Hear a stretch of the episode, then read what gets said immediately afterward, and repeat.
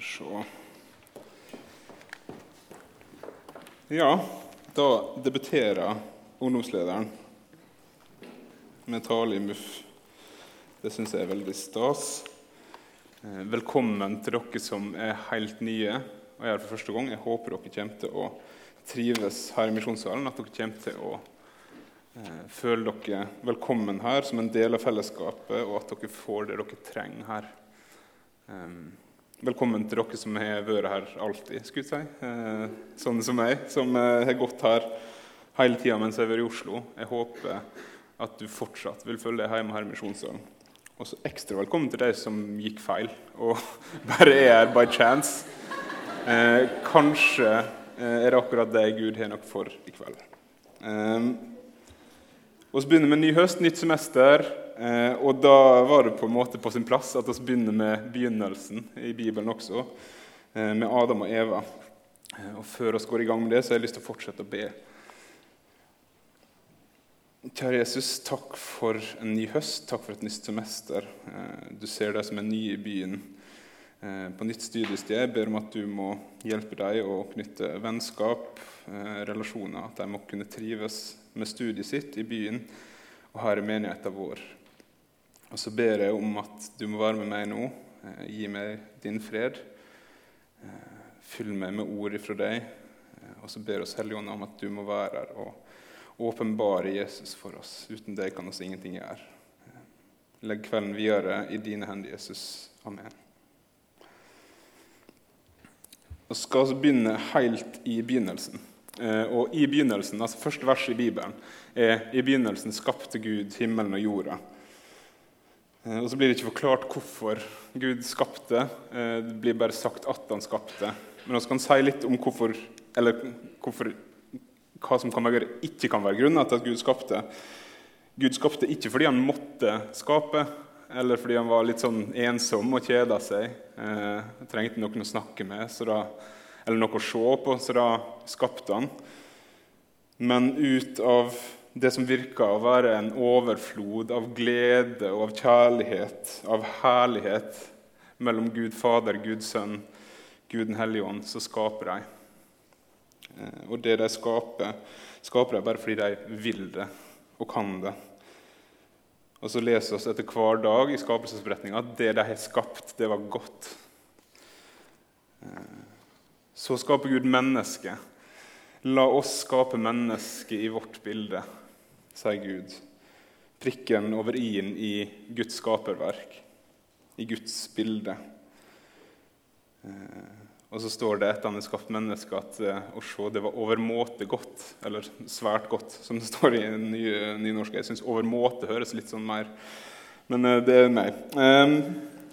Så får mennesket råderett og boltreplass på jorda. De får gjøre akkurat sånn som de vil. Eh, Gud sier til Adam gi navn til dyra, gi navn til plantene. Eh, ta jorda, den er di. Han skaper altså Adam først, men så skaper han heldigvis Eva. Eh, fordi han ser at det ikke er godt for mannen å være aleine. Mange gutter her inne som sier halleluja for det i sitt indre nå, tenker jeg. For ei gave Gud gir til Adam. Så får de beskjed om å fylle jorda, være fruktbare, bli mange. Legg den under dere. De har fått hele jorda å boltre seg på. De har fått råderett over alt på jorda. Eh, de har fått full frihet. Gud gir dem lov til å være. Men det er ett bud Gud gir. Det er én gang Gud sier 'ikke'. Og det er 'ikke et av det treet som står midt i hagen'. Ikke et av det treet som gir kunnskap om godt og vondt, for hvis dere et av det, så skal dere dø. Ett tre av de millionene av tre som Gud har skapt. Det er ikke et vanskelig bud å forstå. Det er veldig klart. Det er ikke sånn, eh, på en måte en sånn vagt bud som eh, 'vis respekt' eller eh, 'vær snill', som det er tusen forskjellige måter å gjøre. Det er ikke ta og et av den frukta som er på det treet. Det er ikke vanskelig å forstå. Og Konsekvensen er også tydelig. Et du av det, så skal du dø. Mennesket lever altså i en perfekt verden. Det Gud har skapt, er godt, og mennesker får råderett over det. De får lov til å herske over det. Ingen nød, ingen sykdom. En perfekt relasjon mellom menneske og Gud, der Gud vandrer i hagen, der de er. Et forhold til Gud som var prega av tillit, av kjærlighet, av harmoni. Gud gikk i hagen, de gikk i hagen sammen med ham. De hadde en relasjon til seg sjøl som var sunn og god, og til hverandre. I kapittel 2 i Første Mosebok, i vers 25, står det begge var nakne, både mann og kvinne, og de skamma seg ikke for hverandre. Ingenting å skamme seg for, ingenting å være redd for de er der i denne perfekte skapelsen som Gud har gjort klart for dem. I fullkommen fred, fullkommen glede, fullkommen kjærlighet.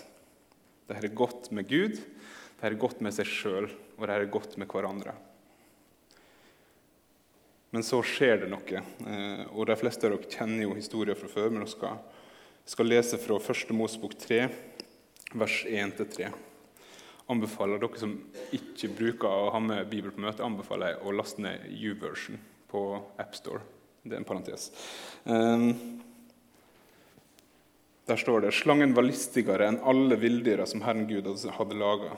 Han sa til kvinna, har Gud virkelig sagt at dere ikke skal ete av noe tre i hagen?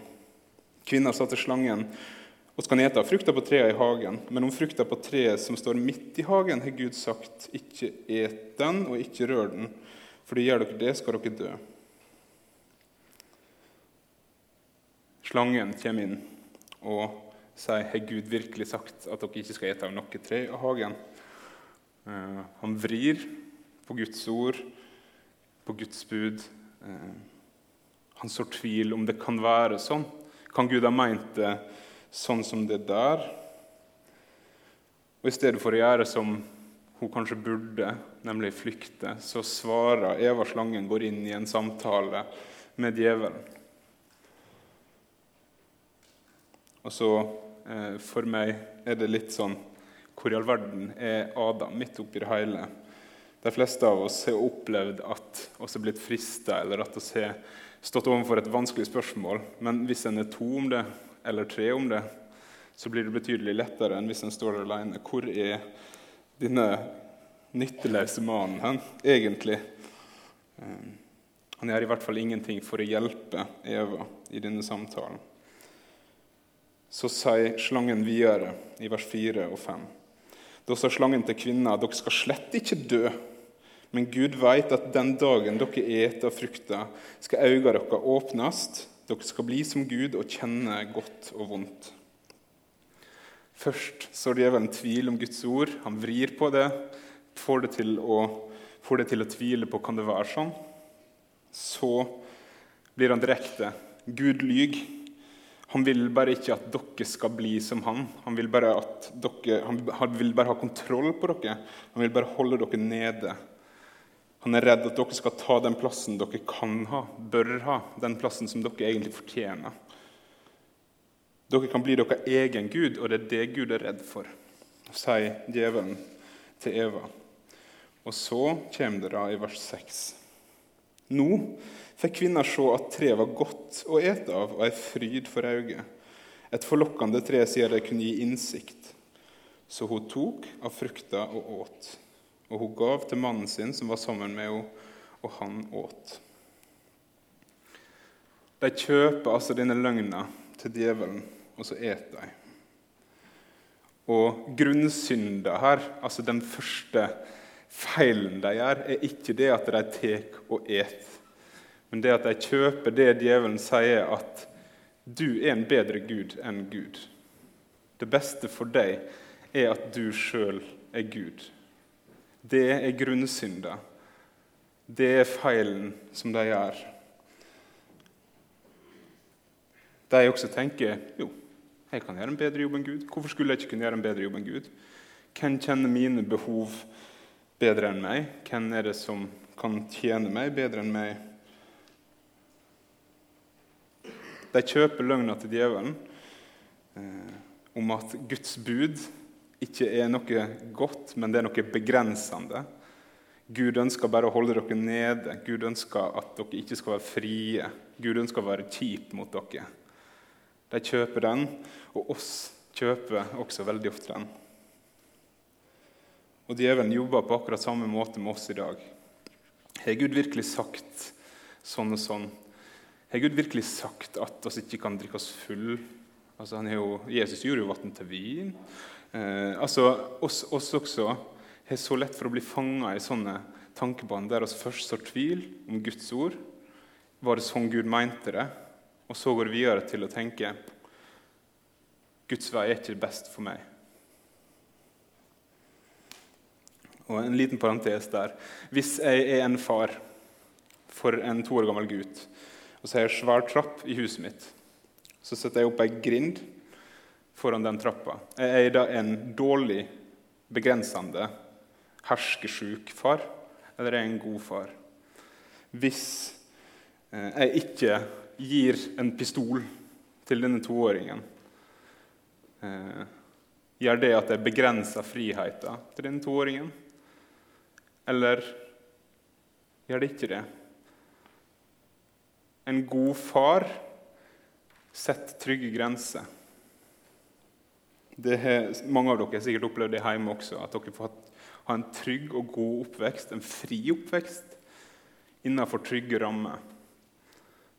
Og Det er slik Guds bud også er for oss. Det er trygge og gode rammer der vår frihet skal utfoldes i trygghet.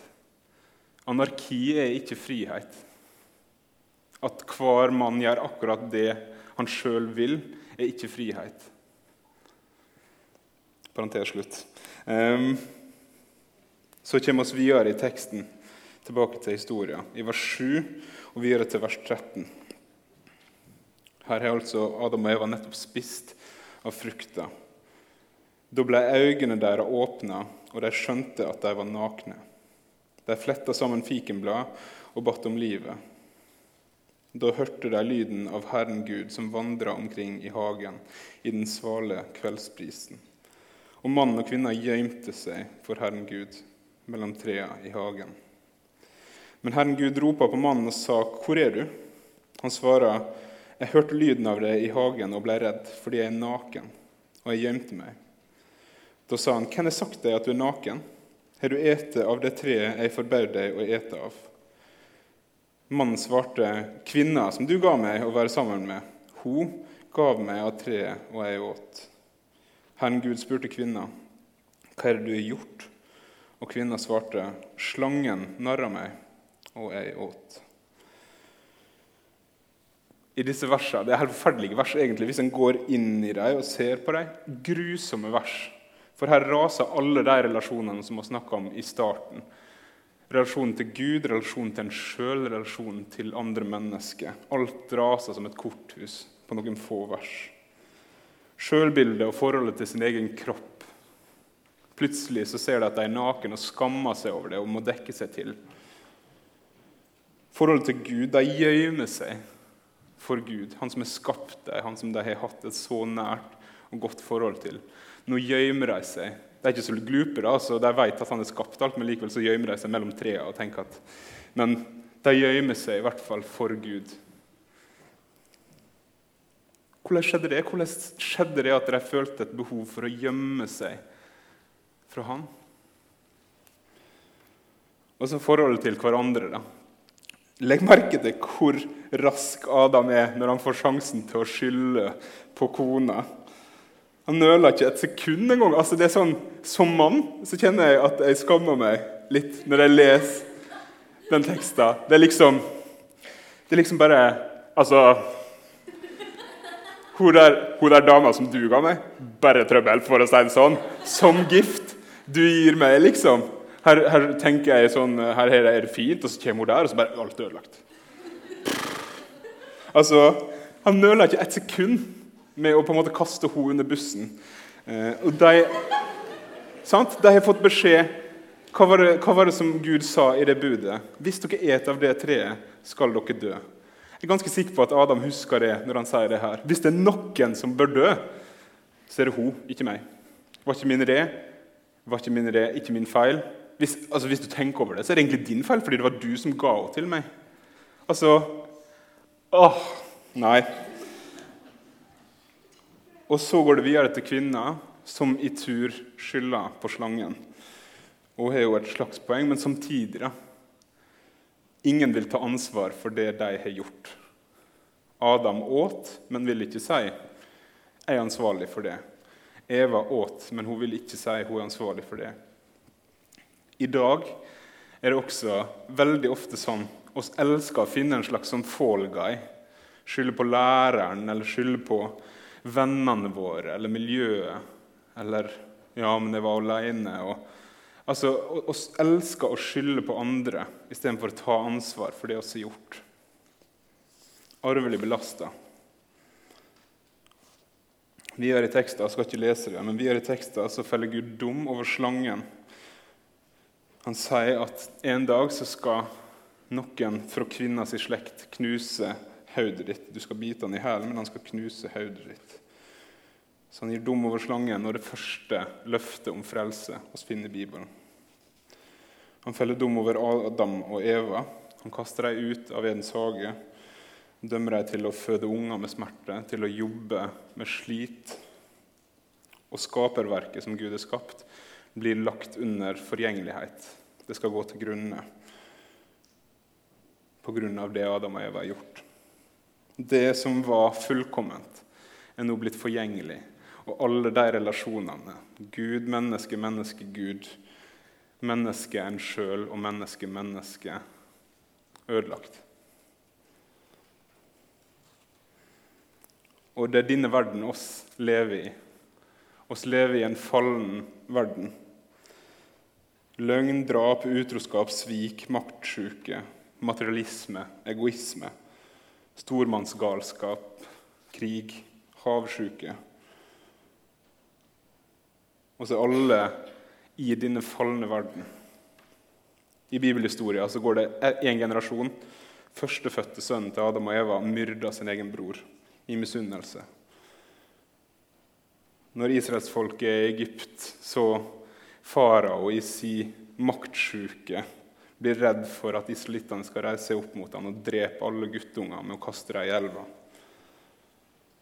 David, denne heltekongen, ligger med kona til naboen og får naboen drept for å skjule det. Herodes i sin paranoia dreper alle guttunger i Betlehem etter at Jesus er blitt født, fordi han er redd for denne nye kongen. Og så lever vi i en fallen verden med blodig historie. Men heldigvis er Guds godhet fortsatt synlig kanskje til og med så synlig her hos oss i Norge at vi glemmer at vi lever i en fallen verden. Guds godhet, han som lar det regne over gudlige og ugudelige, som det står. Han som lar sola stå opp, han som lar oss leve. Han har velsigna oss i Norge eh, rikt. Oss får ha fred, oss lever i et godt land, oss har demokrati. Eh, oss har arbeidsmiljølov. oss har altså dere får stipend for å gå på skolen. Oss har det så godt at det kan bli fjernt for oss at vi lever i en fallen verden. Men likevel er det så synlig. De aller fleste av dere har mista noen dere er glad i, til sykdom eller til ulykke. Eller kanskje dere sjøl har blitt alvorlig syke. Noen av dere har opplevd at foreldrene deres har skilt seg, eller at andre relasjoner har blitt vonde, vanskelige, ødelagte.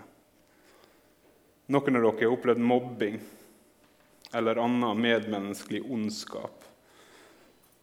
Noen av dere har opplevd indre problem, spiseforstyrrelser, angst, depresjon. Det er så synlig, samtidig så vanskelig å se at vi lever i en fallen verden. Vi er ikke hele og så leter oss og strever oss for å bli hele i denne falne verden. Og så leter oss etter det som kan gjøre oss hele, det som kan lege sårene våre, det som kan tilfredsstille våre behov, det som kan fylle opp det vi føler oss mangler, gi oss det oss tror er nødvendig. Og så leter oss på alle de feil plassene. Og så leter jeg i oss sjøl. Kjøper sjølhjelpsbøker over en lav sko og tenker at om fem år Meg om fem år, da er alle problem løst. Da er alt godt. Da skal jeg ha fiksa det. Da er jeg på en måte da er, da er jeg oppnådd det jeg skal oppnå.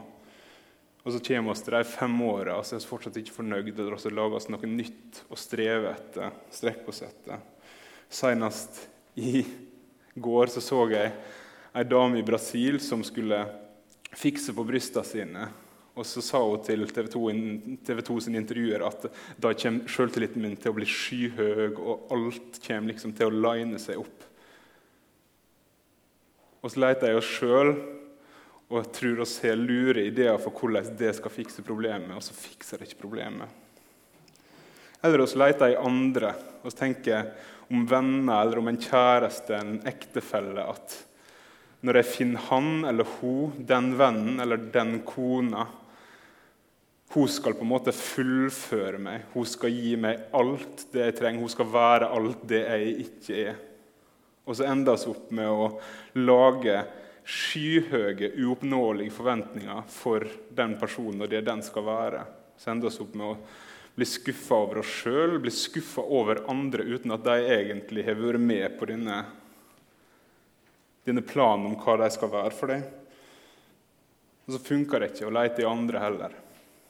Eller å lete i verden. Hvis jeg bare får den bilen eller det huset, bare kommer inn på boligmarkedet, så skal alt, alt i livet på en måte line seg opp. Penger bare jeg får en jobb der jeg tjener så og så mye, så skal jeg på en måte være fornøyd med alt. Da skal jeg få sjelefred, da skal jeg få indre ro. Og så funker det ikke noe av det. Verken verden eller andre eller oss sjøl kan gi oss det vi trenger. Og så leter vi jo heller ikke etter det vi trenger. Vi bommer på hele målet, vi bommer på vårt innerste behov. Og da må vi tilbake igjen til fallet. Fordi hva skjedde egentlig? Hva var det viktigste som skjedde i syndefallet? det var at relasjonen til Gud ble ødelagt. Og hvor stort var egentlig fallet? Hvor, hvor alvorlig? Hva har skjedd med forholdet vårt til Gud? Paulus syns jeg beskriver det sterkest. I Efeserbrevet skriver han dere er av naturen vredens barn. I Romerbrevet skriver han alle har synda og står uten del i Guds herlighet. I Kolossebrevet skriver han at dere er fiender av Gud i sinn og i tanke. Og i Efeserbrevet igjen dere er uten Gud og uten håp i verden. Helt og fullt fortapt. Uten håp. Har dere tenkt på noen gang hvor, hvor kraftig ordet 'håpløst' egentlig er? For at noe skal være uten altså, Også way past nivået der respiratoren blir slått av og så langt forbi at siste leitemannskap har gitt seg. Det er ikke håp. Totalt mørke. Uten håp og uten Gud i verden. Slik beskriver Bibelen oss uten Jesus. I andakt i dagen her om, her om dagen eh, så var overskrifta 'Du er verre enn du tror'. Og Det tror jeg eh, er veldig treffende. Det traff i hvert fall meg. Du kan, du kan aldri bli god nok for Gud. Ikke for deg sjøl heller, tror jeg, men i hvert fall ikke for Gud. Du er helt håpløs og helt hjelpeløs her i verden alene. Og det er et problem i møte med den hellige, allmektige Gud. Det er et problem i møte med Han som skapte alt, og Han som holder alt sammen. Det er et problem i møte med Han som skal gjenopprette alt, og som skal felle dom over all ondskap, over all synd, over all urett. Gud er en rettferdig Gud, og rettferdigheten skal seire en dag. Det lover Bibelen oss. Og Det er et problem for oss syndere. Det er det oss trenger frelse fra, djupest sett. Vi trenger ikke en ny bil eller en ny venn som kan gjøre oss heil og som kan fikse alt. Vi trenger en frelser. Gud er håpets Gud. Han er ikke bare dommer eller skaper. Han er også håpets Gud. Han er den som frelser. Det er bare én som kan gi fullkommen glede og fred. Det er bare én som kan tilfredsstille våre egentlige behov. De behovene som vi ikke ser sjøl, og de vi kjenner på. Det er bare én som er hjelp for hjelpeløse, og som er et håp for de håpløse, og det er Jesus. Bare Jesus. Det er kun han som kan frelse. Det er kun han som kan kjøpe oss fri fra våre synder og fra vår urett. Og han kom, og han levde, og han døde. Og han sto opp igjen for de som sto han imot. Mens oss enda var syndere, altså mens oss enda var det beste om ei Gud sjøl. Mens oss enda var ei vet best. Mens oss enda sto han imot og var hans fiende. Så kom han, og så døde han. For de som spytta på ham, for de som spikra ham opp på korset, for de som spotta ham. Han døde for deg som spotta han og spytta på han. Du som tenkte 'jeg veit best sjøl', jeg trenger ikke Jesus. For deg døde Jesus. Han strakk ut handa, og han kalla oss til seg. Han vil at oss skal være hos han, med han, at vi skal få del i det han gjorde. Og hva er det egentlig han inviterer oss inn i? Jo, da må vi tilbake igjen. Han inviterer oss inn i en gjenopprettet relasjon til Gud. Han inviterer oss inn i en relasjon til Gud der oss skal få kalle oss barn av Gud. Han vil være far for oss. Eh, og så kan en distraheres av at en sjøl har et farsbilde som ikke er så godt. Men han, altså far slik far skulle være. Slik alle fedre bør strekke seg etter å være. Slik far vil Gud være for deg. Han vil ha en nær, intim relasjon til deg. Han vil være med å gi retning for livet ditt. Han vil være med å gi styrke og håp for hver dag her på jorda. Så nær ønsker Gud å være, og så nær kan Gud være gjennom det Jesus har gjort for dere og for meg. Og så vil Jesus også gi oss evig liv. Og hva evighet er det egentlig Jesus inviterer oss inn i? Det er det jeg har lyst til å avslutte med i kveld. Er det evighet der vi skal sveve på ei rosa sky laga av marshmallows og ete? på en måte? Altså Er det en sånn der svevende, abstrakt tilværelse? Nei, det er ikke det Bibelen snakker om. Bibelen snakker om en ny himmel og en ny jord. I trosbekjennelsen så bekjennes oss til oss tror på legemets oppstandelse. Vi skal stå opp igjen til nytt liv, der vi skal få være mennesker slik mennesket skulle være. Slik det var meint å være. Slik skal vi få være på denne nye jorda. Der skal ondskapen ha fått sin endelige dom. Det skal ikke være mer. Der skal det igjen være fullkomment. Fullkommen frihet, fullkommen glede, fullkommen fred. Det er den evigheten Jesus inviterer oss inn i. En evighet der oss igjen skal ha det godt med Gud og skal få vandre sammen med Han, være i Hans nærhet for evig. Og der vi skal få det godt med hverandre uten å være mistenksomme, uten å tenke han tenker stygt om meg, eller oss tenker stygt om andre. Der vi skal få det godt med oss sjøl og vite at oss er Guds barn, elska av Han perfekte.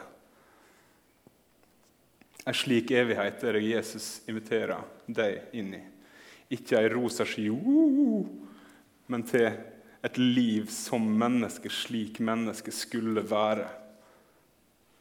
I den gudsrelasjonen som oss skulle ha, og som oss forhåpentligvis lengter etter.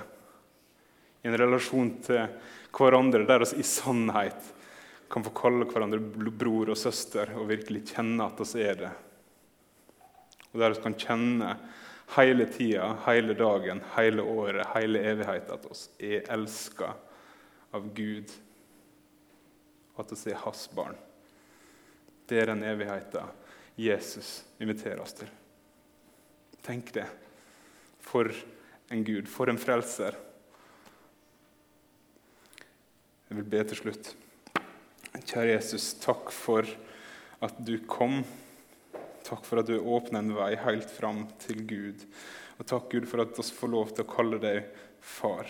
At du har gjenoppretta den relasjonen som ble brutt når Adam og Eva svikta i hagen. Takk, Jesus, for at du er vårt håp, at vi kan klynge oss til deg. Takk at du har lov å være med oss hver dag her på jorda. Så ber jeg om at, at du må hjelpe oss i de relasjonene oss har til andre og til hverandre her i menigheten. Hjelp oss å elske hverandre. Hjelp oss å være bror og søster for hverandre. Hjelp oss eh, å ligne på deg. Og så ber jeg om at vi må få lov til å se mer og mer hva det er du inviterer oss til når du inviterer oss til deg.